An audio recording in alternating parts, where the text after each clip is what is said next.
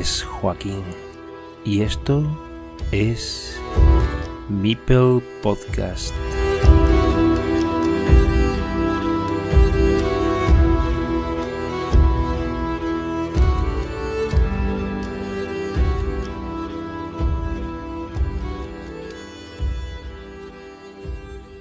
Bienvenidos una vez más a Mipel Podcast. Estoy hoy encantado de tener aquí a un miembro ilustre de Carcassonne.cat, al grandísimo jugador de este juego que a todos nos fascina y del que somos aficionados. Hace poco accedió también a la comunidad de Carcassonne Spain y hoy tenemos el placer de poder compartir un rato con él. Ha sido jugador federado de ajedrez y exponente fundacional de Carcassonne.cat junto con Pere Vives. Tony Soler, benvingut. Hola, buenos días. Bueno, buenas noches, no sé cuándo lo escucharéis. eh, oye, voy a empezar por el ajedrez. ¿Esto del ajedrez ha sido desde siempre? Bueno, sí, eh, aprendí de mis abuelos que, que, jugaban al ajedrez, yo era pequeño, me quedaba, mis padres me dejaban allí y mirando, mirando aprendí a jugar.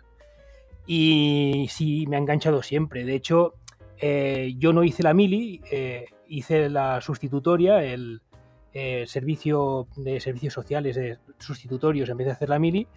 Y en ese momento, pues me, me, apunté al club de ajedrez de Moncada para dar clases a niños. Y así fue mi mili, o sea, preparando juegos de mesa, eh, las fichas, organizando torneos, yendo a buscar eh, también subvenciones en las empresas. Bueno, lo que, lo que tengo entendido que has hecho tú en tu pueblo por el ajedrez, pues lo hice yo, pues eso, en vez de hacer la mili hice eso. Bueno, eso es lo que llamaban antes la, la objeción de conciencia, ¿no? ¿No eso, eso, que no me salía el nombre. Sí, sí, sí, sí, Recuerdo porque yo me tallé, pero no llegué a ir porque estaba haciendo la renovación un poco con el tema de la, los estudios y al final lo quitaron. Así que no llegué a ir tampoco yo. yo me, me pilló, me pilló. O sea, yo sí que tenía que ir, pero hice eso.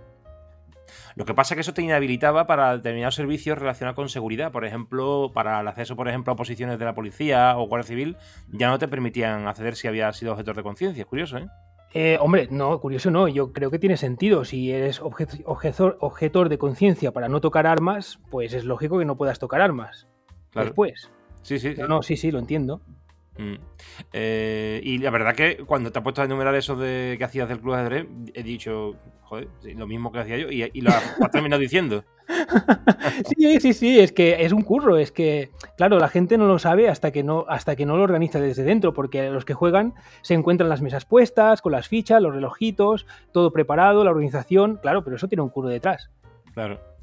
Eh, oye, has estado federado, la verdad. ¿Y cuál ha sido tu elo FIDE o FEDA? O sea, de la Federación Internacional o de la Federación Española.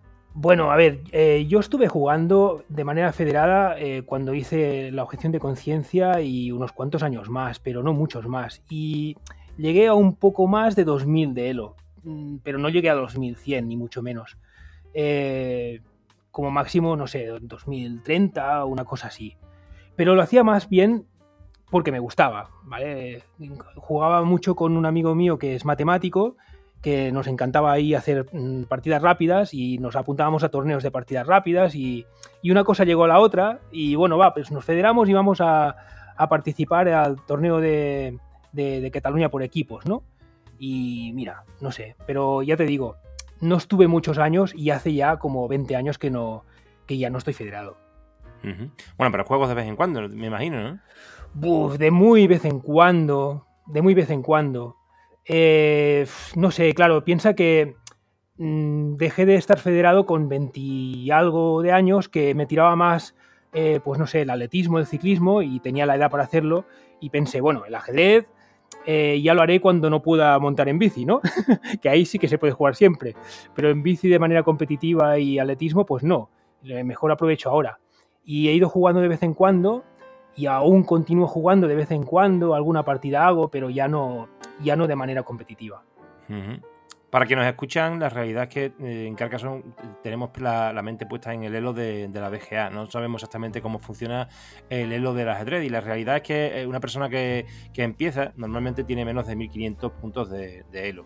Pero eh, normalmente cuando uno accede a un club de ajedrez y empieza a aprender y a, experimentar un poco más lo que es el juego combinatorio, las aperturas y, y, aprende más de la táctica y de la estrategia, suele alcanzar niveles ya de 1600, 1700, incluso 1800. Y ahora jugadores buenos, por ejemplo en este caso que tenemos aquí a Tony, ya empieza con los 1900 y los 2000. A partir de ahí empiezan a acercarse ya peligrosamente a lo que sería la posibilidad de hacer eh, normas en las cuales determinados torneos permiten adquirir una serie de puntuaciones que alcanzándolas en determinadas circunstancias, pues consigue una norma que sería en este caso de maestro FIDE, que es la primera de las tres normas de, las tres modalidades de maestro que existen. Después está maestro internacional, y el, gran maestro, que es el que se conoce como los que salen en la tele, que son los, que salen haciendo, bueno, por las partidas estas que, que se ven, de los campeonatos mundiales y demás.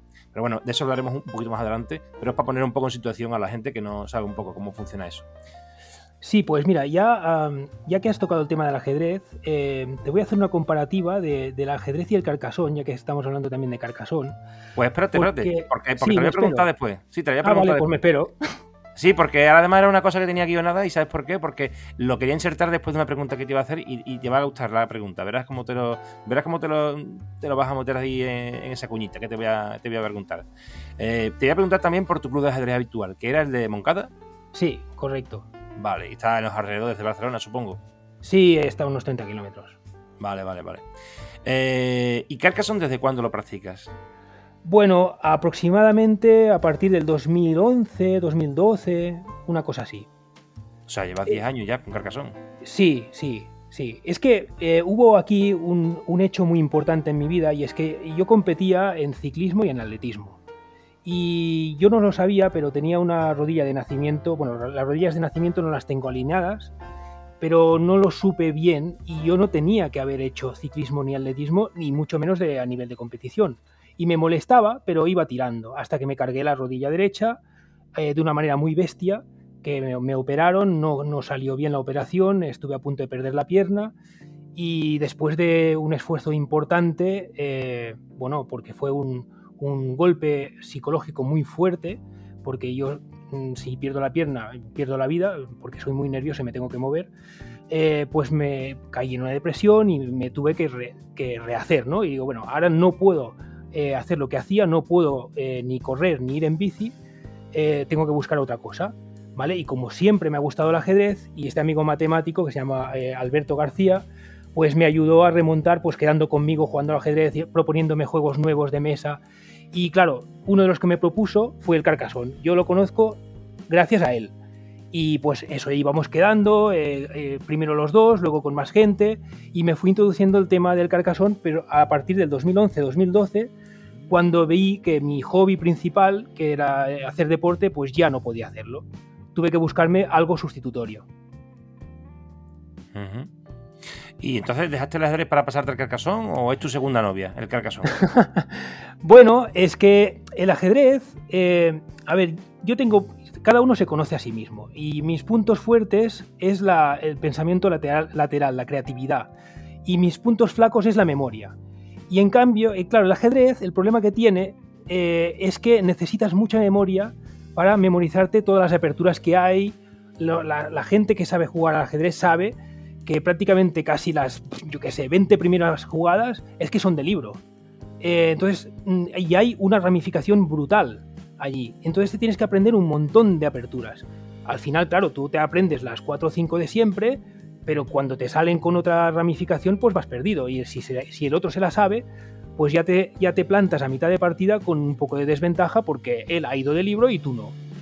Eh, entonces, claro, a partir de mitad de partida es cuando yo podía remontar porque era mi punto fuerte, la creatividad, hacer sacrificios, celadas, cosas que eh, buscar con las herramientas que tienes a tu alrededor, buscar el mayor rendimiento, eh, ahí soy bueno. Pero claro, mm, la apertura me mataba. O sea, o, llegaba a mitad de partida más o menos bien, o, ya la creatividad que tuviera después ya no me salvaba después, ¿no? Y claro, viene el carcasón el hecho de que, hostia, es que aquí no hay aperturas. aquí es creatividad desde el minuto cero.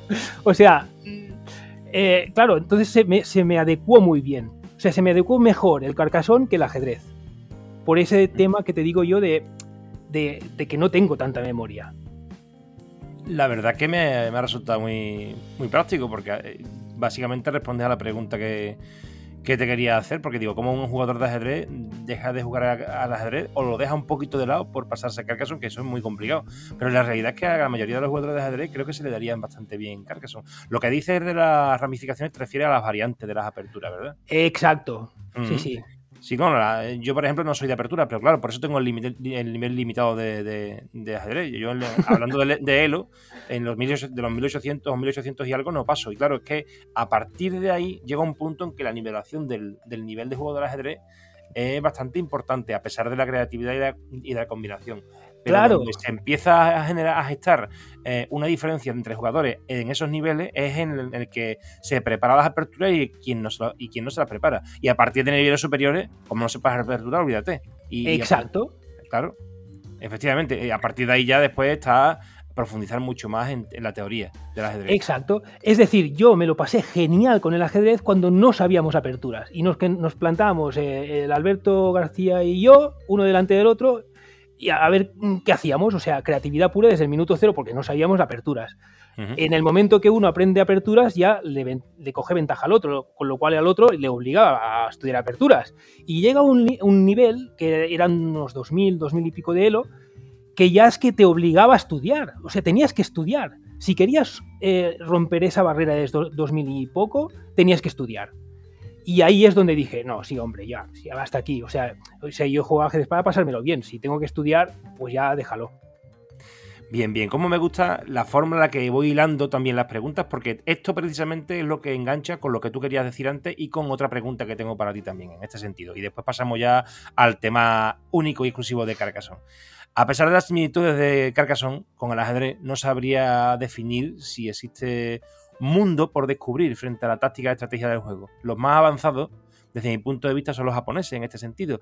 Pero a pesar de que al principio mm, de una partida de Carcassonne el árbol combinatorio es mayor que el del ajedrez, a medida que va acercándose al final de, a la fase final del juego, pues vuelve a reducirse. Y las limitaciones de Carcassonne son obvias, son evidentes. Entonces la pregunta es, ¿hay Carcassonne más allá de lo que ya conocemos o quedan cosas por descubrir? Porque el ajedrez Incluso, aunque haya sido con inteligencia artificial, se le ha dado una vuelta de tuerca. El software, por ejemplo, de Deep Blue, que ganó a Kasparov hace ya años, ha quedado obsoleto. Y el Stockfish ya ha superado la barrera de los 3.000 puntos de Elo, que no hay ninguna persona que lo haya conseguido. Eh, ¿cómo lo ves? ¿Está limitado? A ver, eh, primero respondo lo, de, lo del ajedrez y luego me voy a lo relaciono con el Carcassonne. Yo tengo entendido, no recuerdo qué programa de ajedrez, que había uno que tenía una base de datos de aperturas y de, juego, y de partidas ya jugadas, y a partir de allí él aprendía en base a la experiencia humana. Pero luego montaron otro programa con inteligencia artificial que no recuerdo cómo se llamaba, eh, eh, ahora no sé, algo de cero, había algo de cero, la palabra de algo de cero, no me acuerdo qué, nombre tenía, que eh, no tenía base de datos de aperturas, se puso el programa a jugar con él mismo para aprender cosas nuevas. Eh, para no estar contaminado con una base de datos de conocimiento eh, humano. Entonces, claro, aprendió cosas que en todos los miles de años de los humanos jugando ajedrez, pues no habían aprendido. Y llegó a sorprender a los humanos jugando al ajedrez, porque aprendió cosas realmente nuevas. Claro, esa misma experiencia de un programa jugando con él mismo para aprender, se tendría que hacer en, el carcasón para, que, para poder ver eh, qué aprende la máquina jugando contra ella misma. Eh, y hasta que no se haga, no se puede saber.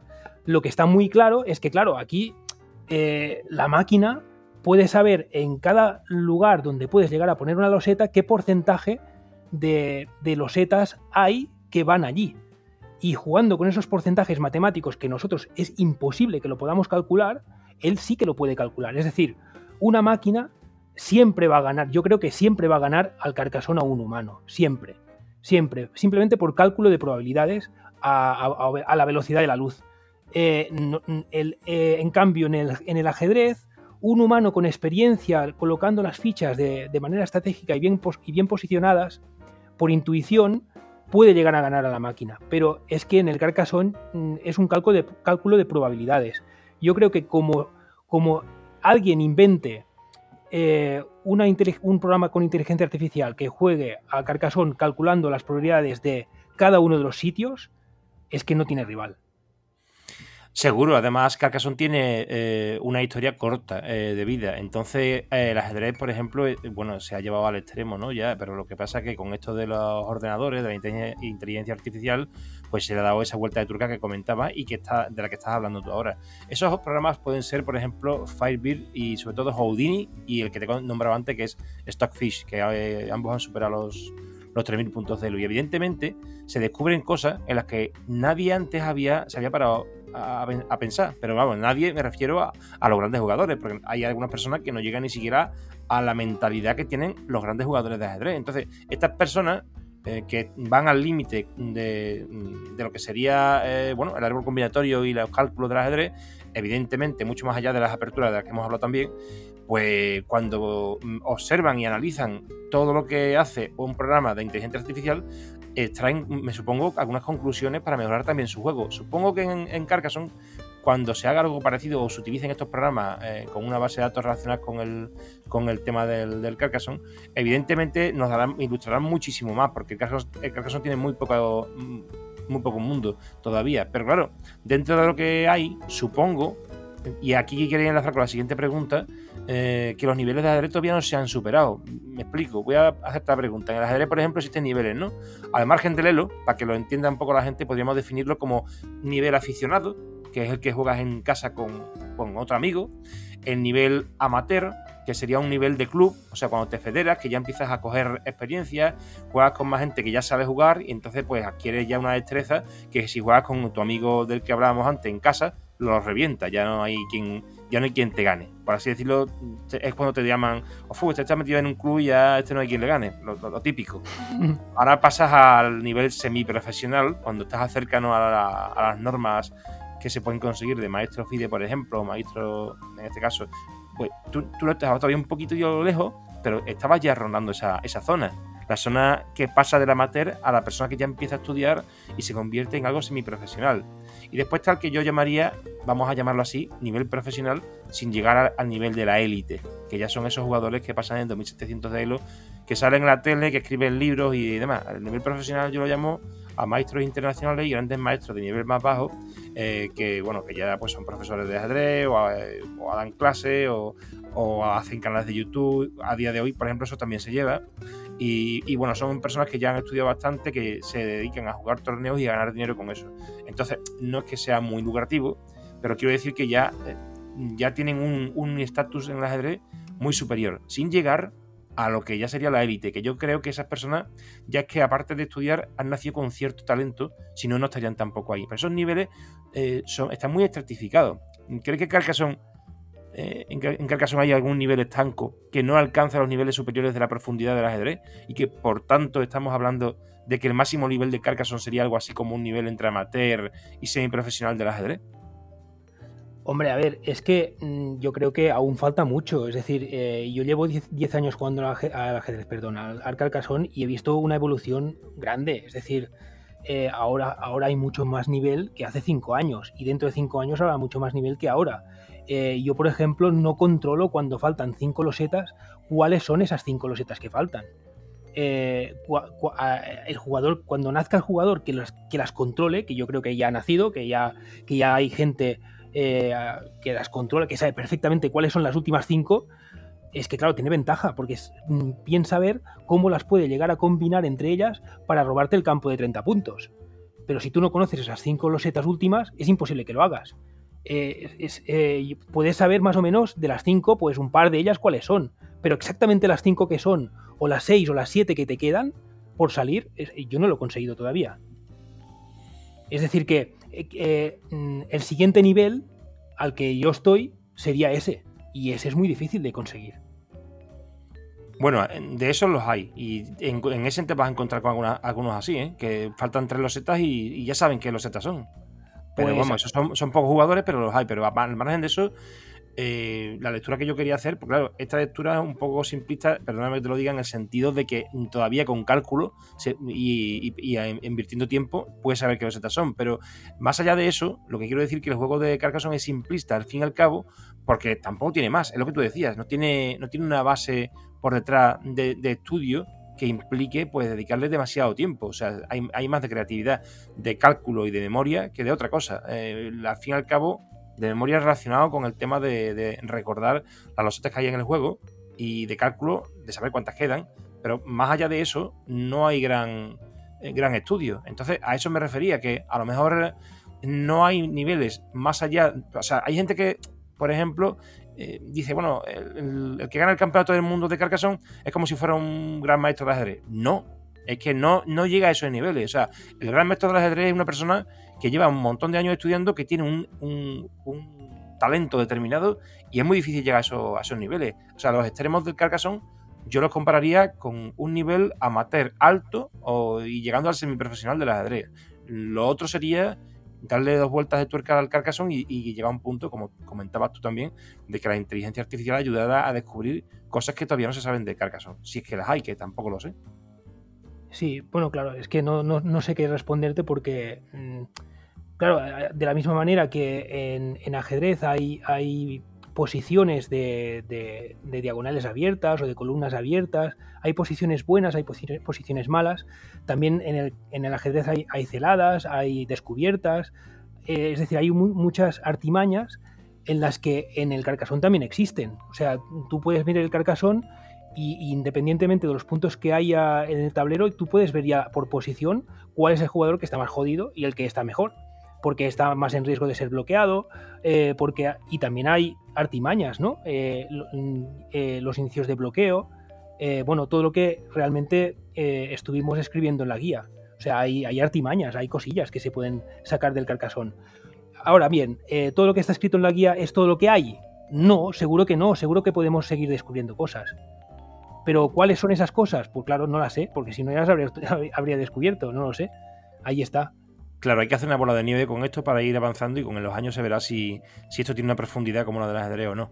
Eh, ¿Crees que se podría hacer un organismo superior sobre este juego en concreto? Algo análogo a lo que sería una entidad federativa, más o menos. Hombre, todo se puede hacer. A ver, es que Carcassonne lleva 20 años en el mercado, ¿no? Eh, ¿Cuántos años lleva el ajedrez? claro, si, si el Carcassonne hubiera nacido hace 200 o 300 años y el ajedrez hace 20, pues igual sería al revés. Igual en las escuelas rusas estarían enseñando Carcassonne ahora como están enseñando al ajedrez, que sí que lo están enseñando al ajedrez, pues igual estarían enseñando Carcassonne entonces, ¿no? No lo sé. Y a lo mejor De estaría organizando torneos de ajedrez en Madrid. Es que claro, es que el tiempo que lleva un juego existiendo eh, pesa mucho. Entonces, es que es muy joven. Dale tiempo. Yo creo que... Efectivamente. Es decir, yo, creo que es que eh, todo esto que ha ido apareciendo Carcassonne.cal, Carcassonne Spain, es la semilla de lo que podría llegar a ser una federación igual al cabo de 20 años. Muy bien, me gusta esa reflexión también. Eh, y cambiando de tema, Tony, eh, eh, eres profe, ¿verdad? Sí. Mm. ¿Primaria o secundaria? bueno, ni una ni la otra. a ver. Soy de ciclos formativos de, de informática. Ah, vale, bueno.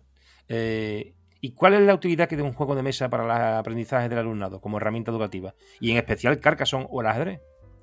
Bueno, a nivel matemático muchísimo. A nivel informático, bueno, pues mira, vamos a crear un programa de inteligencia artificial que juegue solo al Carcassonne. a ver si lo conseguimos. Eh, que se puede hacer, ¿eh? Hay un algoritmo que se llama Minimax eh, que se puede implementar y haces que el ordenador juegue solo al Carcassonne. Eh, bueno, no sé, o, o el famoso script mejorarlo. Es que hay muchas, muchas aplicaciones que puede tener a nivel informático, pero a nivel matemático es brutal, porque el cálculo de probabilidades em, que hay en el hecho de poder colocar una ficha aquí que, y qué probabilidades hay de que en este hueco tú puedas colocar algo o no.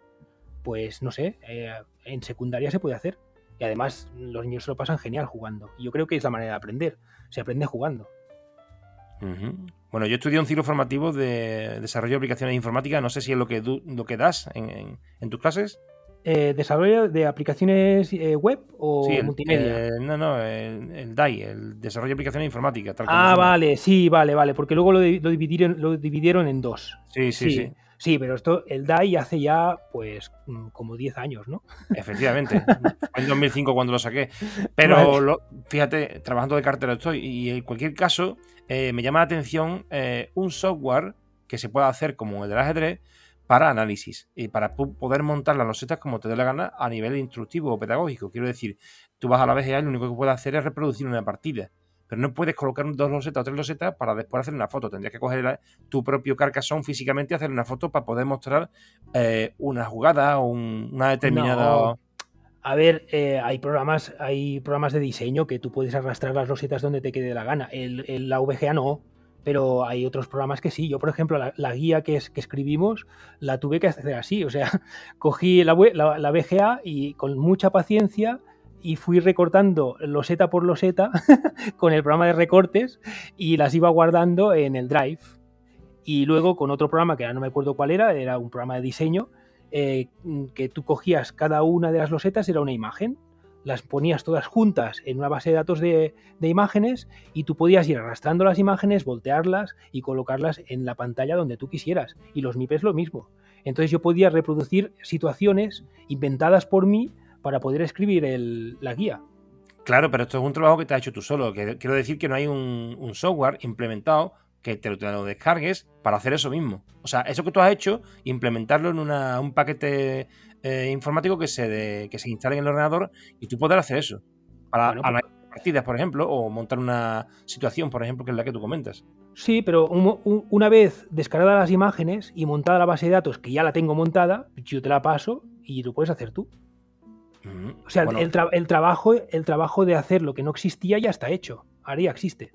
A, mí me interesa, pero me refería a una, a una, a una aplicación eh, que existiera en el mercado. Me, explico que se, pudiera, se pusiera en, manos de la, del público en general, como una página web, también que se pueda hacer en, web o directamente como una aplicación que te descargas en el ordenador de, escritorio.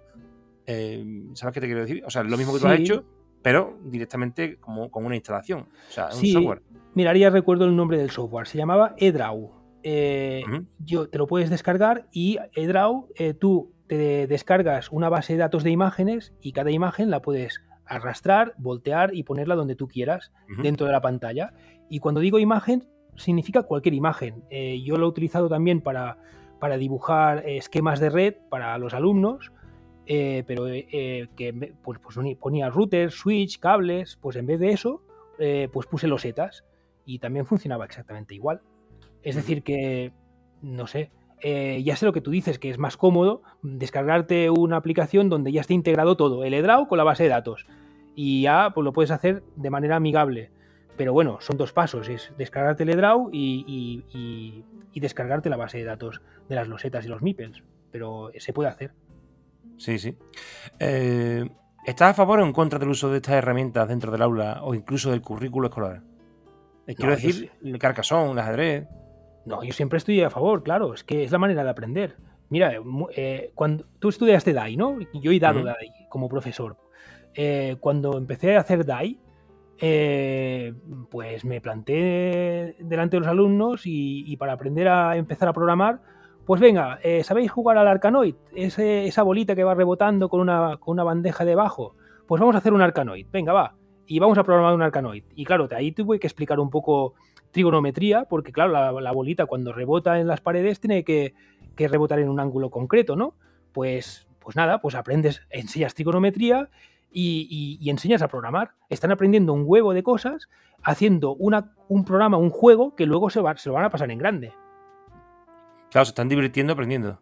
Claro, es que la manera de aprender eh, es jugando y, pasarlo bien. Si tú te sientas a escuchar algo que de manera pasiva, no vas a aprender nada, se aprende haciéndolo. O sea, tú, eh, claro, tú aprendes cosas cuando las haces. Y, si además tiene un, sentimiento positivo, o sea, una emoción, una, pasión, una, emoción positiva por dentro, es que se te queda. Entonces tú ves eh, los juegos de mesa más como una actividad complementaria o como una asignatura transversal propiamente, porque el ajedrez, por ejemplo, se utiliza en algunos colegios, ¿no? Eh, educativamente creo que es muy interesante y además, en, como has comentado, en Rusia y en países del este se utiliza como una asignatura propiamente. Exacto, sí, sí. Eh, bueno, a ver, eso ya depende. Yo lo puedo ver como un complemento, porque no sé, ahora no, me imagino en secundaria. tenemos inglés, filosofía, historia, carcasón y educación física no, no sé, como un complemento vale, pero como una asignatura no lo veo. Probablemente en la escuela, en el colegio, a nivel de básico sí, ¿no? ya te digo, o sea, yo lo veo como, como un complemento, como algo, como una herramienta más, pero no como lo, principal, no sé. Eh, el ajedrez lo mismo, o sea, no sé. Yo, yo entiendo, ¿eh? Lo, yo entiendo que los eh, niños rusos tengan una asignatura de ajedrez porque les abre la mente a, pensar de manera abstracta. Eh, pero bueno, no sé, el Carcassonne también, ¿eh? tienes que tener una visión espacial y, voltear las fichas en tu mente para ver dónde podrían encajar mejor, o cuando las tienes que contar las curvas, las curvas con tapeta, que, a veces hay de unas y de otras y cuesta darle la vuelta mentalmente. Es decir, no sé, que, tiene sus cosas, ¿no? Pero vaya, yo no veo asignaturas así, yo lo veo como complementos. Eh, a ver si soy capaz de traerme a mi podcast un chico que conozco del mundo del ajedrez que, eh, a pesar de que es un gran jugador eh, y además bueno, ha alcanzado cotas, o niveles superiores a los que tú has alcanzado en, en Elo, que yo, al, que a ti, desde luego, yo no, te llego ni a la punta del zapato, pero este chico va más allá, pero ha presentado un proyecto en un colegio, en un colegio privado, evidentemente, de Cádiz en concreto, eh, se llama el Altillo School y este chico presentó un proyecto y se ha quedado a trabajar allí y resulta de que da clases a todos los niveles del, cole y lo hacen de manera transversal haciendo uso de, esa asignatura mm, eh, esporádicamente en algunos días del cole, pero claro, este, este este cole es un poco más elitista, ¿no? Tiene un, precio, vamos a llamarlo así. Entonces, ofrecen cosas que normalmente en el currículo escolar eh, de forma genérica no existen. Entonces, esto es muy interesante, a los padres les parece bien y este chico se ha quedado. Eh, o sea, ese proyecto se quedó en el cole y se ha quedado él a trabajar ahí. Es muy interesante porque el chico eh, podría explicarnos bien, y esto sería extrapolable a Carcassonne, a cualquier cosa, en, realidad ¿qué, beneficios ha tenido para él durante su experiencia, qué es lo que haría él si a día de hoy, pues supongo yo, quisiera presentar un proyecto de ese tipo, mm, lo haría, lo haría de otra manera o, en qué ha cambiado desde el minuto uno en que comenzó a lo que a lo mejor lo hace ahora. A ver si consigo traerlo. Se llama Dani Escobar y, me, resultaría muy interesante pues, por la aportación que puede hacer respecto de este tema que estamos hablando. Sí, pues sí, sí, no, hay ningún problema, sí, sí. De, mm. hecho, en, mi instituto hemos hecho muchos proyectos que, también han sido, han sido muy chulos. Yo soy un altísimo defensor... Eh, defendo, ah, no me sale la palabra. Defensor. Eh, eso, defensor del aprendizaje por proyectos. Eh, porque entiendo que se aprende haciéndolo pero claro, hay muchos proyectos mm, por hacer. Eh, los juegos de mesa solamente son uno de ellos. No sé, eh, hay una profesora de inglés que, bueno, que los alumnos montaban cortometrajes con, en inglés que, tenían que rodar, hacer eh, la traducción, hacer el montaje, las carátulas. Hay un tema tecnológico detrás brutal, no solamente el lenguaje, o sea, es que, es, transversal. Y los juegos de mesa igual, hay hay, trabajos de, bachillerato que, es inventar un juego de mesa. Eh, o hacer un estudio de los juegos de mesa e inventar uno de ellos. No sé, es que hay, se pueden hacer miles de cosas. No solamente con los juegos de mesa. Pues vamos a seguir con otra cosa en la entrevista, pero te voy a invitar a una mesa redonda que vamos a hacer con los profes de la comunidad para intercambiar opiniones al respecto de este tema que acabo de decir, de los juegos de mesa, implementándolos en el cole, ya sea como una actividad extraescolar o una, un complemento dentro de lo que sería la, bueno, pues, las asignaturas en algún momento dado, o como directamente como una asignatura, en un, aunque eso va a ser más complicado, evidentemente. Eh, ¿Aceptas la invitación? Sí, claro que sí. Muy bien, muchas gracias. Pues cuéntanos cómo es esto desde tu punto de vista, ¿qué acaso en .cat? Y el tema de la reserva del dominio, .cat, que nos adelantó Pérez Vives, que bueno, fue una idea tuya. No, en realidad no. Ah, Me pues. sorprende que lo diga, porque la, eh, reserva del dominio fue de Dani García. Ajá. Eh, es decir, mm, él ya tenía comprado el dominio de carcasón.cat y, y fue algo como muy, no sé, se, reunió Pera con Dani, con David III y empezaron a mover el tema de Carcassonne.cat a ver cómo lo podían hacer. Y en esos inicios, pues de rebote me enteré y me uní al club de, montar el Carcassonne.cat. Eh, más que nada como informático, porque bueno, yo antes de, de, ser profe hacía aplicaciones a medida para empresas. Y entonces en ese momento me ofrecí para hacer una aplicación a medida para organizar torneos de Carcassonne que, está, que la hice y está colgada en la página web de carcassonne.cat. Eh, y, bueno, eh, empezamos a hablar como yo como informático también para dar un golpe de mano, ¿no? Pero es que el Dani García trabaja como informático también. Entonces él es el que hizo inicialmente la web. ¿Qué pasó? Que al cabo de un par de años, eh, Dani García tuvo un problema personal X, que no viene al caso, y como que abandonó el tema de la administración web. Se le caducó el dominio, eh, no encontraba las claves para renovarlo, eh, entonces ahí es donde hubo una pequeña crisis dentro de Carcassonne.cat y al final fui yo el que dije, bueno, va, yo como soy informático, pues eh, hago una migración del dominio a otro proveedor y como la web hay muchas cosas que se han perdido porque no pudimos salvar mm, mucho, pues la hago de cero. ¿Vale? La hago de cero y recupero lo que puedo recuperar, las cosillas que puedo llegar a recuperar. Que una de las cosillas que pude recuperar fue el palmarés. El palmarés es un histórico que tenemos en la web de carcassonne.cat donde se puede ver todos los torneos que se han organizado en Cataluña, yo qué sé, desde el 2011, y quién los ha ganado. ¿Vale? Es un, histórico, ¿vale? Pues ese histórico lo pude recuperar y algunas cosillas más. Algunos, algunos reportajes, noticias escritas. Pude recuperar algo, pero no todo. Eh, entonces, igual por eso se le quedó en la memoria al Pera que fui yo, pero, eh, pero yo no fui el que lo inició. Fue Dani García. Claro, que yo juraría que en la entrevista suya decía esto, entonces se me quedó grabado y, yo no sé si ahora soy yo el que se, equivoca, porque como me equivoco tantas veces, pues ya no sé yo si me he equivocado yo. Pero... No, puede ser que no te equivoques tú y que realmente a, Pera se le quedó grabado eh, la segunda vez que montamos la web, pero hubo una primera y la primera fue de Dani. Vale, y bueno, entonces, ¿qué tiempo tiene de Fundación Cargason.cat? Porque yo sé que Pera decía que había ido al, al Nacional de 2017, que lo ganó, que llevaba poco tiempo y que no sabía ni contar la loseta. Entonces, si esto lo extrapolamos a 2011 o 2010 incluso, estamos hablando de que Carcassonne.cat existía de mucho antes, ¿no? No, no, no, no, no. Se gestó en 2017, 2018. Yo creo que fue el 2017. A, raíz de que Pera ganó el, Nacional, eh, como que se, se emocionó y quiso hacer una unión ahí y montar algo y a finales del 2017 es donde se gestó Carcassonne.cat. Pero claro, eh, en ese palmarés de que fuimos apuntando las partidas, hicimos memoria de lo que pudimos y empezamos a apuntar eh, los torneos, quién los ganó desde, desde, desde cuando nos acordamos. Y ahí desde 2014, 2013, no sé, por ahí, eh, torneos apuntados, pero en realidad no, no, no hicimos un registro fidedigno eh, hasta bueno, finales del 2017 por ahí empezamos a apuntar las partidas en el palmarés. Y creo que ahí es donde Dani montó la web y creo que, no sé, 2018 hacia finales o 2019, no recuerdo, igual era 2019, que es cuando Dani tuvo un problema personal y, se, y la web se desmontó, o sea, se, no se renovó el dominio, no sé qué pasó, que se perdió la web.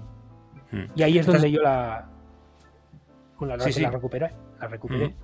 Eh, tú, eh, tú aquí eres entonces miembro fundador de Carcassonne.cat. Estuve en los inicios, sí, pero más fundador espera David III y Dani García. Bien. Eh, ¿Y tu participación en nacionales? ¿Tú has estado en Granollers? Bueno, mm, es que eso es curiosísimo, porque solamente fui a una de Granollers. Y fue la el primer torneo que iba de rebote a probar, porque mi amigo el, Alberto García, que te comentaba antes, vive en Granollers. Entonces me enteré que allí se hacía un torneo. Fui. Eh, yo no sabía que era por la mañana y por la tarde. Eh, me clasifiqué dentro de los 16 mejores y por la tarde tenía un compromiso familiar y tuve que decir a la organización que me iba, que me tenía que ir, porque no sabía que había por la tarde. y, el, que quedó el 17 se puso muy contento. Y ya está. Eh, pero ya no, ya no volví, ¿sabes? Porque fue como, yo qué sé, por, para pasar un rato, para pasar una mañana. Y ahí vi que se me daba, se me daba bien y empecé a, a informarme más dónde están los torneos, cómo se apunta uno, y ya es donde empezó la rueda, pero vaya, que solamente fui a uno. ¿Y Madrid? Y Madrid creo que desde el 2016 eh, he ido. Creo que fue 2016, 17, 18 y 19. Cuatro años. Vaya, eh, pues sí que los ha visitado prácticamente todos los de Madrid. Porque empezó en 2013, creo, pues un par de años después empezaste a, a ser asiduo. Sí, sí, sí, ya te digo, o Granollers fui solamente una vez y de rebote, luego ya al cabo de los, de los años, pues ya sí que me he ido informando y así que he ido yendo, sí. Sí, sí, la verdad que desde 2016 aproximadamente. Y el Nacional Catalán, que existe desde el año pasado, pues los ha, los ha pisado los dos. Eh, sí, bueno, el año pasado no me no, no participé en el en ninguno, vaya. Vale, hubo eh, sequía. Eh, sí, sí, sí. Eh, cuando empezó la pandemia yo desaparecí. Vale. bueno, quería agradecerte tu participación en el episodio sobre el Nacional Catalán de 2022, a modo de resumen, y darte, por supuesto, la enhorabuena ya en antena por ese logro que no deja de resultar una hazaña ¿no? y una proeza, debido a, al nivel sin duda que tenéis en Cataluña, y sobre todo por estar llamado a vivir esa bonita experiencia en Essen, que va a ser seguramente inolvidable. Bueno, pues gracias por la felicitación. Mm, esa guía estratégica de la que hablabas antes de Carcassonne.cat, ¿la, ¿la confeccionaste tú? Sí, la empecé a confeccionar yo. Sí. Mm. Sí, sí. Fue, no sé, un conjunto de cosas. Eh, eh, bueno, eh, ya creo que la entrevista con Jaime ya te lo comentó un poco él, que estuvimos después del Nacional pues jugando unas partidas informales, así por la BGA, intentando pues aprender uno del otro. Él dijo que las gané todas yo, no es verdad, él también ganó algunas y, aprendimos uno del otro, o sea, yo aprendí de él también muchísimo, porque cuando intentas eh, explicarle a otro lo que has ido aprendiendo del carcasón durante muchos años, te obliga a ordenarte las ideas. y gracias a él, gracias a que yo intentaba explicarle cosas y él también a mí, porque yo también aprendí de él, pues y empecé a organizarme las ideas que había, los trucos que había en el carcasón. Y digo, es que si no me lo apunto, se me va a olvidar, porque esta es muy buena, esta también, esta también, pero es que se me va a olvidar si no la apunto. Y, entonces es cuando empecé a hacer la guía de manera informal, ¿no? Y cuando se lo comenté al Alberto García, que es el amigo con el que juego a Carcassonne habitualmente, dijo, Buah, eso en ajedrez sí que es posible, pero en, en, Carcassonne es imposible. No, podrás porque es muy visual. Y yo me cago en la leche y empecé a coger el EDRAW con las fichas y montarme ahí mis, mis, mapas para intentar demostrarle que sí que era posible. Y además, y digo, una vez esté hecho la guía, pues se lo paso al Jaime antes de que se vaya a Essen, a ver si le sirve. Y fue así como, como nació eh, la guía, que, la, que, la, hice inicialmente en castellano pensando en Jaime. Eh, pero luego me salió bien y digo, hostias, que me ha salido súper bien. Eh, se la paso a carcason.cat. Y entonces cuando en carcason.cat, pues lo enriqueció David Bourdois, lo, enriqueció Dani García, el Peravives también metió cucharada allí, entonces claro, ya no era mía. La guía la empecé yo, pero al final el resultado final ya no fue mía, porque ahí se implicó muchísima gente de carcason.cat y la Nuria Casanovas hizo la traducción del castellano al catalán. O sea que es una guía que nació de esta manera, pero que al final ha acabado, ha acabado siendo chula, creo. Vale, ha sido como una doble versión, ¿no? O sea, la final la guía estratégica que conocemos a día de hoy es una guía, bueno, pues en la que ha participado más personas aparte de ti. Exacto. La inicié yo, pero el resultado final no es mío solo. Oye, ¿y quién es Ferran Martín? Ferran Martín es un jugador de Carcassonne que ya está jubilado, de, ya tiene una cierta edad, no sé si tendrá 70 o así, eh, ahora mismo, pero que, oye, que juega súper bien. juega súper bien, sí, sí. Es un máquina, además no tendrá mm, tiempo más que para, el carcasón, ¿no? Porque es un señor que si está enamorado de este juego y con la edad que tiene, pues... No, ahora está desaparecido, ¿eh? ¿Ah, sí? Eh, sí, sí. Eh, yo desaparecí con el inicio de la pandemia, él también. yo reaparecí después de la pandemia, él todavía no. Eh, pero, hostia, cuando jugaba con él, es que era muy bueno, era muy divertido. Es más, es que hice pareja con él para un torneo de, torneo por, parejas y lo ganamos. O sea, fue muy, muy chulo. ¿Qué representa Pere Vives eh, para Carcassonne.cat? Bueno, es el núcleo. se va al Pere Vives, se va, se, va a hacer puñetas Carcassonne.cat. Así, ¿no? Así de, así de, golpe, ¿no? Sí, es que, a ver, es el nexo. Es que es el nexo. Eh, decimos, a ver, David III es muy importante. ¿Vale? Es un puntal súper importante. Que no se ve, está en la sombra, pero es que, es que mm, la mayor parte de las ideas salen de su cabeza. Es que es así. Pero el dinamizador de cuando, se, cuando algo se estanca y no termina de arrancar, eh, espera. Es el pera el que, el que empieza a pinchar a todo el mundo para que esto funcione. O sea, te va persiguiendo hasta que dices, bueno, va, lo hago, con tal de que me dejes tranquilo. O sea, no, o sea, que, que, sí, que sí, que el dinamizador es, espera, la, creatividad eh, la tiene David III, pero dinamizador y Nexo, espera, vive, sí. Mm, bueno, me gustaría preguntarte por, por, todos y todas las personas que conoce del colectivo catalán, pero nos llevaría bastante tiempo. Quería remarcarte esas dos personas porque quería saber un poco qué nos decían, ¿no? Aunque eso sí, podría preguntarte eh, por aquellas personas que, con las que guardas una estrecha relación por algún motivo y, también cuál es el jugador o jugadoras eh, que crees más en forma, al margen de tu actuación, por ejemplo, en este año en el Nacional Catalán. Háblanos un poquito de eso. Claro, a ver, pero eso, eso, va. me explota en un compromiso, porque claro, ah. si digo tres o cuatro y los que no nombro, que ah, a mí no me has nombrado, pues nada te voy a ganar. Eh, no sé. a ver, no. y a ver, eh, no sé, los que hemos terminado en la final eh, del Campeonato de Cataluña son muy buenos, pero es que los que no han llegado, hostia, también, ¿eh? Es que, claro, es que no me puedo dejar a nadie, porque ya sabes que en el Carcasón, cuando los niveles son muy altos, una loseta decide la partida y eso es la suerte. O sea, es que... sí, Dani García es muy bueno, Pera Vives también, David Bourdois se lo piensa, se lo calcula todo al milímetro, o sea, eh, claro, cada uno tiene su estilo. Eh, Juan Carlos Ruano eh, agota hasta el último segundo del reloj para, para pensarse la, jugada y, también juega muy bien. Es que, claro, no, no, hay, no, hay, no hay nadie que juega mal.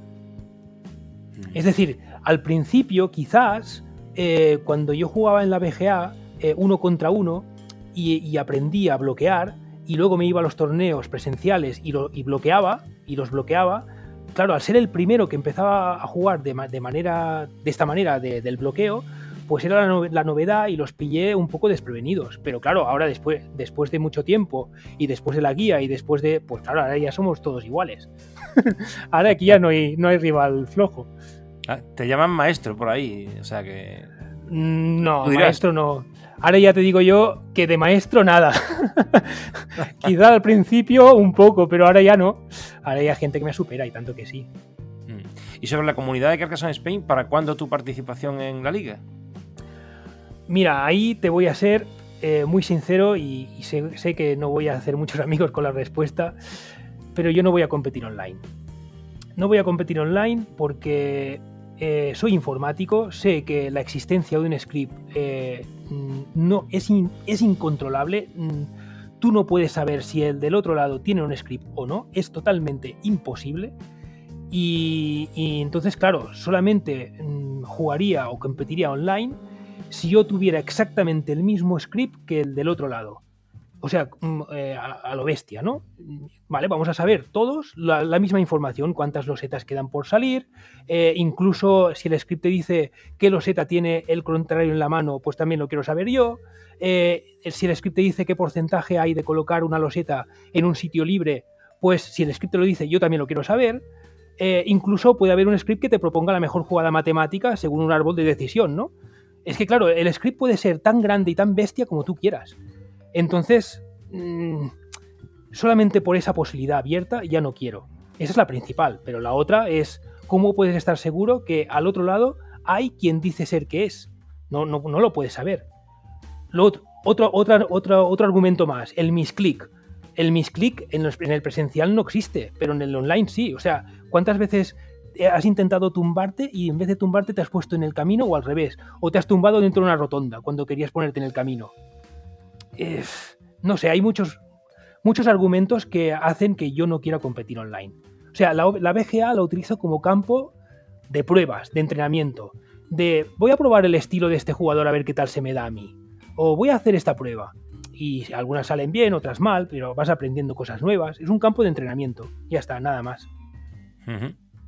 Recuerdo, ahora que lo dice, en la entrevista a Pérez, le decía que aunque no sea, bueno, ya no sea el juego, ¿no? De manera natural, jugar en, de esta manera que usted que, comentas, ¿no, Tony? En este caso con, el, con el script, ¿no? Que se pueda ver directamente que la plataforma VGA implemente la posibilidad de ver el conteo de la roseta, que incluso te ponga el marcador eh, latente en el tablero, al margen del marcador real, Para, que puedas observar exactamente cómo va cómo iría la partida en función de los meeples que están ahí sin, sin puntuar. O sea, eso sería igualdad total. Y ahí es lo que yo decía, que podía implementarse eso, porque aunque no fuera ya el juego de Carcassonne que tenemos en vivo y en directo eh, en físico, pero por lo menos igualaría la contienda. Claro, se tiende a poner más tiempo, se tiende a, bueno, se tiende a cosas que en realidad no tapan eso que comentas. Y entonces, para igualarlo sería hacer lo que tú dices en este caso. Sí, es decir, eh, todos a igualdad de condiciones, que aunque alguien quiera hacer trampa no pueda, pero el problema es que online siempre vas a poder hacer trampa. O sea, incluso en ajedrez, alguien pone el, Deep Blue en, un segundo ordenador y mira a ver qué jugada ha jugado él y la juegas tú. Y tú no puedes saber eso, no puedes hacer, es que no puedes saberlo, es imposible. Salvo en las partidas bullet de rápida, que es imposible porque no te da tiempo. Por eso me gustan las partidas rápidas, por ejemplo, en BGA y que nadie las utiliza como elemento diferenciador de un torneo con respecto a los torneos oficiales que se pueden jugar, o bueno, oficiales, eh, que, están ahí para que todo el mundo se, pueda, se pueda meter, ¿no? Como los de turnos, que también sería interesante porque ahí sí te da tiempo a pensar y sí te da tiempo a calcular o, incluso apuntarlo, porque al fin y al cabo ya el turno ya es, diferente, ¿no? Sí pero... sí, pero es que incluso las rápidas, es que si tú haces un script eh, con inteligencia artificial, es que puedes jugar él por ti. O sea, hasta el nivel máximo que sería ese. Ya, pero eso no sería divertido para la persona que en realidad quiere jugar. No, claro que no, es trampa, pero como yo no puedo saber si del otro lado está haciendo o no trampa, pues entonces la mejor manera, o sea, es una decisión personal, ¿eh? Ya te he dicho que mi respuesta no, era para hacer amigos. Sí, sí, sí, bueno, pero, es una buena respuesta. Eh, o sea, mm, yo no voy a jugar, no voy a competir nunca online. Eh, de hecho, la, la, eh, la, el elo que tenga en la BGA es que me da igual. Muchas veces juego a 4 porque me apetece o juego no sé, mientras estoy comiendo o, alguien me llama por teléfono y respondo, o sea, queda igual el elo de, la BGA. Es decir, yo lo utilizo como prueba, como, como entrenamiento, como campo de pruebas, básicamente, porque al final, eh, ¿dónde se ganan los títulos? ¿O en dónde, dónde alguien mm, hace algo en Carcassonne? Pues en el presencial. No sé, es mi, es mi opinión, ¿eh? Sí, sí, sí. Además, fíjate, eh, tenemos la idea en Carcassonne Spain, por ejemplo, de la calidad de los jugadores, que son todos muy parecidos, evidentemente, pero lleva dos años ganando Oscaridi en este caso y a mí, yo por lo menos me estoy metiendo ya en el jardín que dice Oscaridi que me estoy metiendo. pero es curioso que, en teoría, eh, si miras los niveles de la BGA, o si miras cómo ha quedado en élite, o si te fijas en cómo juega con otros jugadores, a lo mejor no es en teoría el favorito, pero ahí está el tío dos años seguidos ganando el, torneo de Carcassonne. Entonces, bueno, no, no tiene que ver lo que, lo que aparenta la BGA a lo que después en la realidad. Eh, la realidad, eh, un jugador que puede tener 300 de elo y otro que tiene 500, a lo mejor de 300 le da eh, dos vueltas o un repaso a, ese jugador en, físico.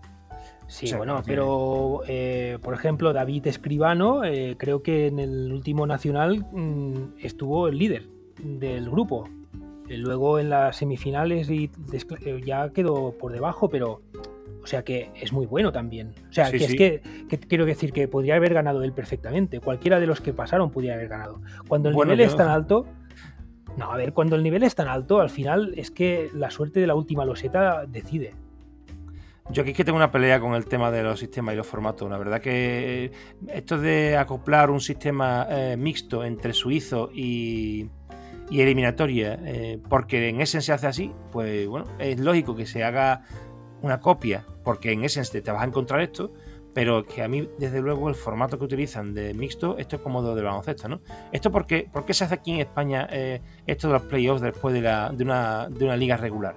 No tiene sentido. Tiene sentido en Estados Unidos, que va por conferencias y no, no pueden jugar eh, jugadores a a 2.000 kilómetros de distancia. O sea, se supone que tiene que hacerlo por conferencia y después cuando, tienes a los ganadores o a los primeros clasificados, haces los, playoffs. Pero en España no. Y se utiliza una copia que no tiene sentido. Y ahora se utiliza lo mismo para Carcassonne. Desde mi punto de vista, imagínate, yo te voy a poner el ejemplo siguiente y me da igual que se mosquee a quien quiera. Eh, no, no, te lo voy a decir claramente. Eh, David Escribano, 5 puntos tras la ronda 5. O sea, gana sus 5 partidas. Una de esas partidas es contra Lorenzo. Lorenzo Miguel Soler, ¿vale? Campeón de 2018. Eh, Lorenzo Miguel tiene eh, tres puntos al final de esas cinco rondas, David Estroncio cinco. Y, entre esas partidas han jugado entre ellos y ha perdido Lorenzo. Pasan a la siguiente eh, fase. hablamos de, octavo de final. David Estroncio 1 y el jugador 16, raspado por los pelos, ha entrado en, en la fase de playoffs porque el siguiente, el 17, el 18, y no sé hasta cuál, también tiene 3 puntos, pero por desempate coincide que tiene 16, eh, o sea, que cae en el 16. ¿Qué pasa? Juegan una partida de una eliminatoria, cae David, y en este caso, si fuera otra partida de, la, ronda del suizo, que le faltaría al suizo para completar las seis rondas que le pertenecen al haber 40 jugadores, y ahí terminaría el torneo, eh, habría acabado el torneo David Escribano con 5, porque habría perdido esa última, habría eh, ganado un punto en este caso Lorenzo, tendría 4, seguiría por debajo de David, y el único que le perseguiría en, esa, en ese sentido, si no recuerdo mal, era Carlos, no sé si habría alguno más con 4 puntos, que en cualquier caso tampoco tendría que haber sido esa en la partida de David Escribano con Lorenzo, porque en un suizo, si ya estás enfrentado contra un jugador, no jugarías contra el mismo, hubiera tenido que enfrentarse contra contra, eh, contra Carlos eh, Aguado, Mazcán. ¿Vale? Eh, bueno, y además el emparejamiento inicial en un suizo nunca se puede producir entre jugadores que se supone que tienen que llegar al, al final del suizo enfrentándose entre ellos. O sea, aquí en realidad para mí esto es una debacle que tendrá que modificarse. Ya no hablo de la estrategia, de la táctica, ni de la organización, hablo de, de los sistemas de, utilizados y yo, desde mi punto de vista, el suizo puro, pero entendido como suizo real, igual que los relojes, cuando habla la gente de BGA eh, los incrementos, oye, el, incremento de la BGA es un sucedáneo. No existe un incremento de la BGA. Eso es volver a colocar el reloj en el tiempo inicial. Este es el tope. Eh, los incrementos de un reloj, cuando se utilizan en ajedrez, son totalmente distintos. No se utilizan esos tiempos. Entonces yo siempre lo digo. Señores, vamos a jugar un torneo regular para sacar al mejor jugador no se puede hacer una liga con tantas personas ni en un día. Eso se utiliza un suizo. Y hay una, normativa para sacar eh, cuántas rondas de suizo se deben de hacer en función del número de jugadores. Puedes ampliar también, si hay muchos jugadores, a una ronda más para equilibrar. Pero en realidad hay un número definido. Y en función de esa ronda de juego, si tienes un número de horas, X de horas para el torneo, se aplica la regla del reloj y se sabe cuántas partidas son, pues se sabe cuál es el tiempo a utilizar para cada persona que tiene que jugar el torneo. Y es así de sencillo. Eh, esto que viene del ajedrez de antiguo y el, ajedrez de competición no se entiende que mm, eh, una partida sin reloj, aquí sí se entiende la partida sin reloj y tendrán que eh, implementarse para que con el tiempo, pues al final esto también sea una competición mm, realmente, bueno, pues como las del ajedrez, ¿no? ¿no? como las que tenemos a día de hoy. Y en este sentido, pues venía a decir esto porque, en, bueno, eh, en este caso, sí, David Escribano podría haber sido campeón, pero es que debía de haberlo sido en el sentido mm, del formato de juego. O sea, no se le puede quitar, ni mucho menos, la valía a Oscaridi de haber conseguido eh, eh, reventar todas las eliminatorias, porque para ganar el torneo tiene que ganar todas las eliminatorias después de la fase regular, que sería el suizo. Pero claro, una cosa para mí es una liga regular y, o un suizo, que sería lo más parecido a una liga, cuando hay muchos jugadores y no se puede jugar todo contra todo, y lo otro sería un torneo del caos. O sea, el fútbol lo amplifica perfectamente. al Madrid con 20 puntos más que el Barcelona o al Barcelona con 20 puntos más que el Madrid, no le puedes decir ahora que tiene que jugar unas eliminatorias para ganar la liga. Y eh, por supuesto, en una eliminatoria del caos, si puede aparecer el Granada o un equipo de tercera en octavo de final. Sí, sí, así. Sí, sí, bueno, el diseño, como diseño, eh, es injusto. Eh, estoy de acuerdo contigo. O sea, el Carcassonne tiene mucho que aprender del ajedrez. Eso está muy claro, pero también yo creo que es porque es muy joven. El Carcassonne eh, nació ayer en comparación con, el ajedrez y aún tiene mucho recorrido por aprender. O sea, hace por supuesto, por supuesto. Claro, es que hace muy poco que estábamos eligiendo el mejor jugador de Carcassonne en España jugando a partidas a cuatro. Efectivamente. es que, claro, es de risa, pero es así. Eh, pues dentro de unos años nos reiremos de, cómo seleccionaban eh, ahora mismo el, mejor jugador, sino, o sea, haciendo eliminatorias, que te va a parar una partida mal y ya, has pringado. Mm, claro, no sé. Sí, sí, es así, es así. Eh, yo en 2019, pues mira, pringué con Jaime, no me salió nada, no, no había manera, no había tu tía, pues ya está afuera. Eh, y no sé, nada de lo que hice antes pues sirvió de nada. Pues es, que es eso, pero eh, es injusto, bueno, el diseño es injusto, pero eh, como que las normas del juego están establecidas desde el principio, son claras y conocidas por todos, pues entonces ya es justo, porque tú accedes a las normas o no accedes. Y en el momento que accedes, pues eh, ya está. Por supuesto. Esto era una meta conversación sobre cómo se debería de... Sí, un, un, metamonólogo, porque al fin y al cabo lo he dicho yo todo. Bueno, eh, mira, vamos a ir finalizando la entrevista, pero quería proponerte que si hay alguna cosa que no sé, que te gustaría decir que no te he preguntado, pues tienes ahora el momento. Bueno, eh, no lo sé, la verdad, no, ha sido muy amena. Eh, quizás, pues, no sé, igual me meto en un jardín, ¿eh? porque claro, aquí yo, claro, he ganado el campeonato de Cataluña, ¿vale? Pero a mí me, ya se lo comenté a Jaime, me da pena eh, que si de ahora en adelante existe un campeonato de Cataluña en el que si juegas en el de Cataluña no puedes jugar en el de España, pues eso hace que digamos que ya no nos podamos encontrar, eh, básicamente. O sea, la mayoría de jugadores catalanes irán al de Cataluña, no irán al de España, y la juerga que teníamos todos juntos de pues catalanes con eh, con sevillanos, con cántabros, con el de Madrid, pues eso ya no se volverá a dar y me da pena porque yo lo he vivido de manera muy chula desde el 2016 y, y saber que este nuevo, este nuevo formato ya rompe eso es un tema de corazón, ¿eh? me, da, me da pena, me da pena. Entonces, claro, yo aquí estuve pensando, es que claro, aquí hay como, mm, ¿qué es mejor? ¿no? Es como dos casos extremos. Y ahora imagínate que cada municipio eh, se tratara como un país, ¿vale? Eso significaría que yo, que soy de Moncada, pues jugaría un torneo de Moncada que si lo gano me da acceso al campeonato de Cataluña, donde me encontraría a los campeones de cada municipio, ¿no? Y si gano el de Cataluña me iría al Mundial representando a Cataluña, ¿no? Pero claro, el de un municipio no podría participar en el del otro municipio, porque claro, son municipios separados, ¿no? Entonces, claro, el, que está en un municipio donde no se celebra ningún torneo, eh, ese jugador se jode, porque no puede ir a otro municipio. Es como el que vive en Andorra. Si en Andorra no hay, no hay nacional de Andorra de Carcasón, aunque haya el mejor jugador de Carcasón en Andorra, ese nunca va a llegar al Mundial. ¿no? Porque como, eh, como, Heinz Klug no permite que un jugador de un país juegue en el nacional de otro, pues el de Andorra se jode. Eh, bueno, sería el, el, caso extremo sería que cada municipio fuera como un país, ¿no? Y entonces, claro, mm, jugarás muy pocos torneos solamente el de tu municipio, si ganas el de Cataluña, en mi caso, y si ganas del Mundial, tres torneos al año, como mucho. En cambio, el otro extremo sería, pues ya imagínate que tú pudieras participar en el nacional que te diera la puñetera gana. Bueno, depende de ti, pues mira, viajas a Grecia, ahora viajas a Italia, ahora viajas a Francia, ¿no? Y, y bueno, y si ganas un nacional tienes acceso al Mundial, no representando ese país, no, representándote a ti, porque has ganado un nacional entonces tendrías muchas más posibilidades de jugar muchos torneos. Los, de, los, de, los que te diera la gana, si, tienes ganas de viajar, los que te diera la gana. Por ejemplo, en Cataluña, eh, desde el 2017 llevamos jugando unos 20 torneos en Cataluña. Eh, de hecho, en el palmarés eh, había un pique entre Miquel Jornet y yo a ver quién ganaba más torneos para apuntarlo ahí en el palmarés, porque íbamos a todas y jugábamos unos 20 torneos al año. Bueno, 20 no, pero si había 20, igual yo iba a 15 y nos encontrábamos ahí un montón de veces. Eh, claro, si eso estuviera cerrado en cada municipio, no sería esto así.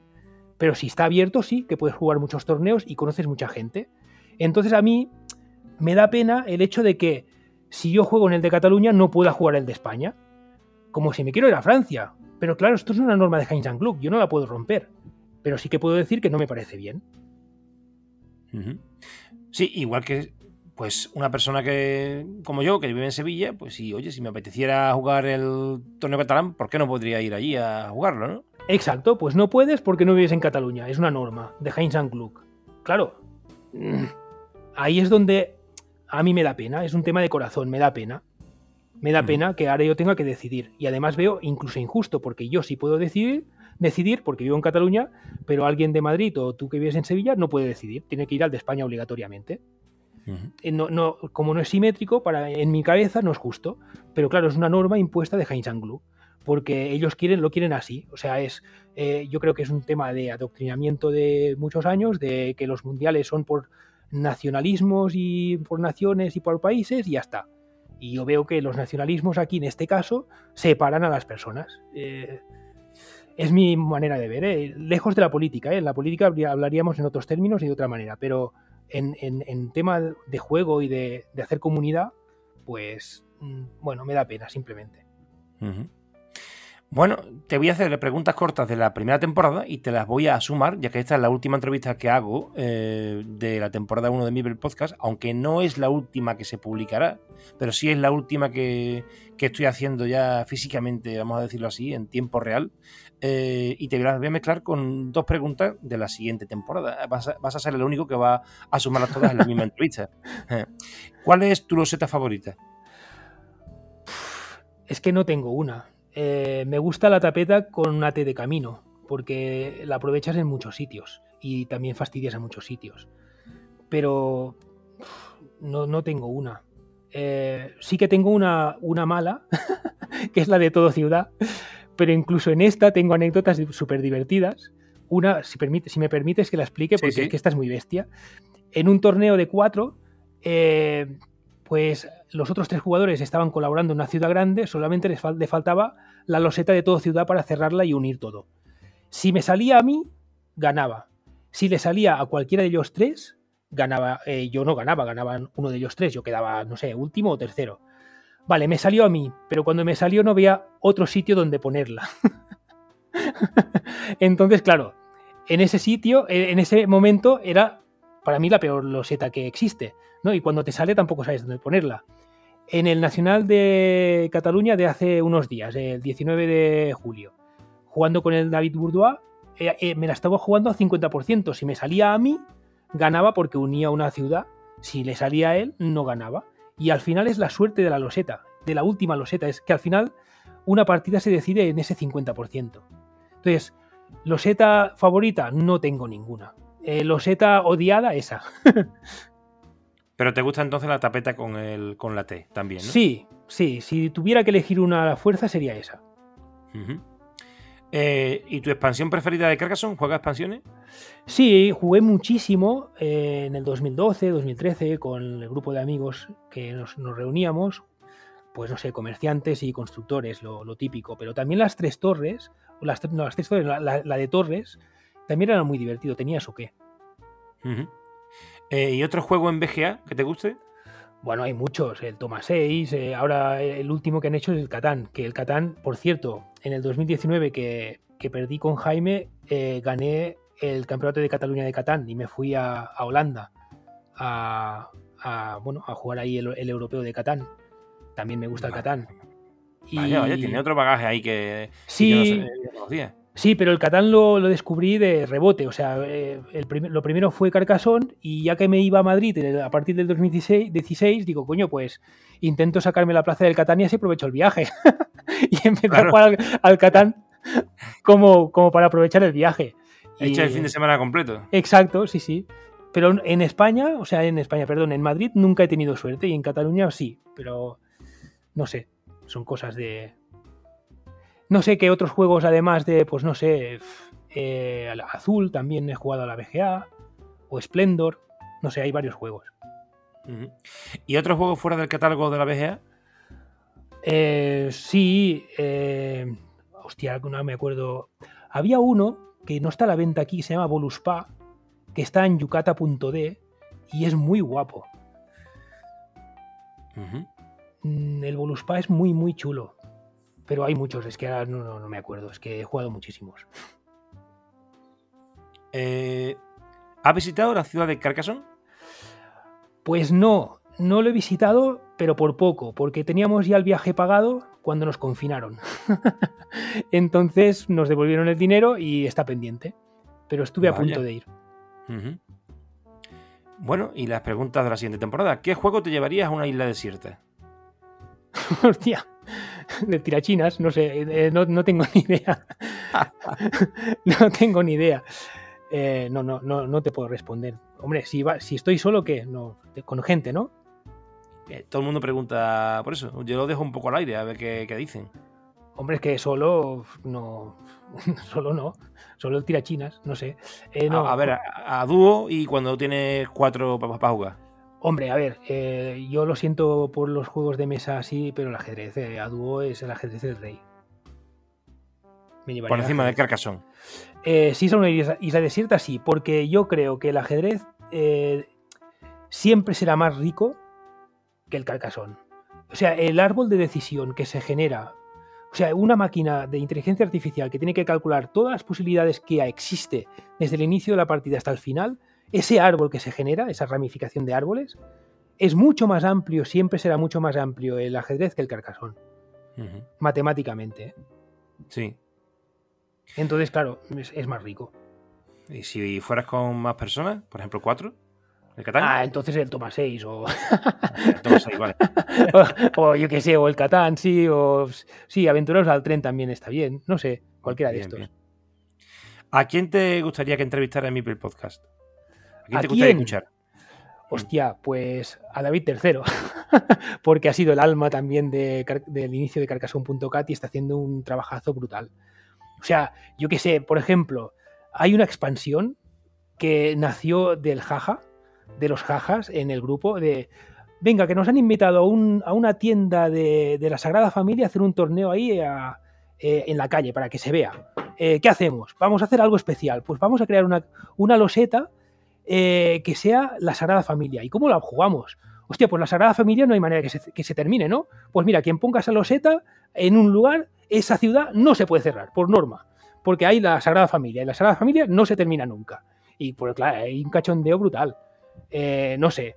Eh, claro, y, y el que hizo el diseño de la Sagrada Familia fue el hermano de Samuel, que se llama Jonathan y trabaja como diseñador gráfico. Pues ahí se, no sé, se involucró todo el mundo y con los jajas eh, montamos esa, esa expansión. Pero es que el torneo de por parejas, el, el juego de Carcassonne por parejas, se lo inventó creo que Miquel Journet y David III. Es que David III no para, es una máquina de creatividad. Y últimamente me ha comentado otra manera de jugar al Carcassonne que la tenemos que probar. No la puedo desvelar todavía porque la tenemos que probar, pero es que no para. David III. Bueno, pues David III, si nos estás escuchando, todo el mundo dice y coincide en que estás a la sombra, pero Mipel Podcast va por ti y te va a sacar a la luz. bueno, Tony, muchas gracias por aceptar la invitación y te esperamos por Mipel Podcast en un futuro cercano, si puede ser. Pues, pues gracias por invitarme y aquí estoy para lo que queráis. A todos y a todas los oyentes, ya queda menos para cerrar esta temporada. Estad atentos que va llegando la hora de cierre. Un abrazo.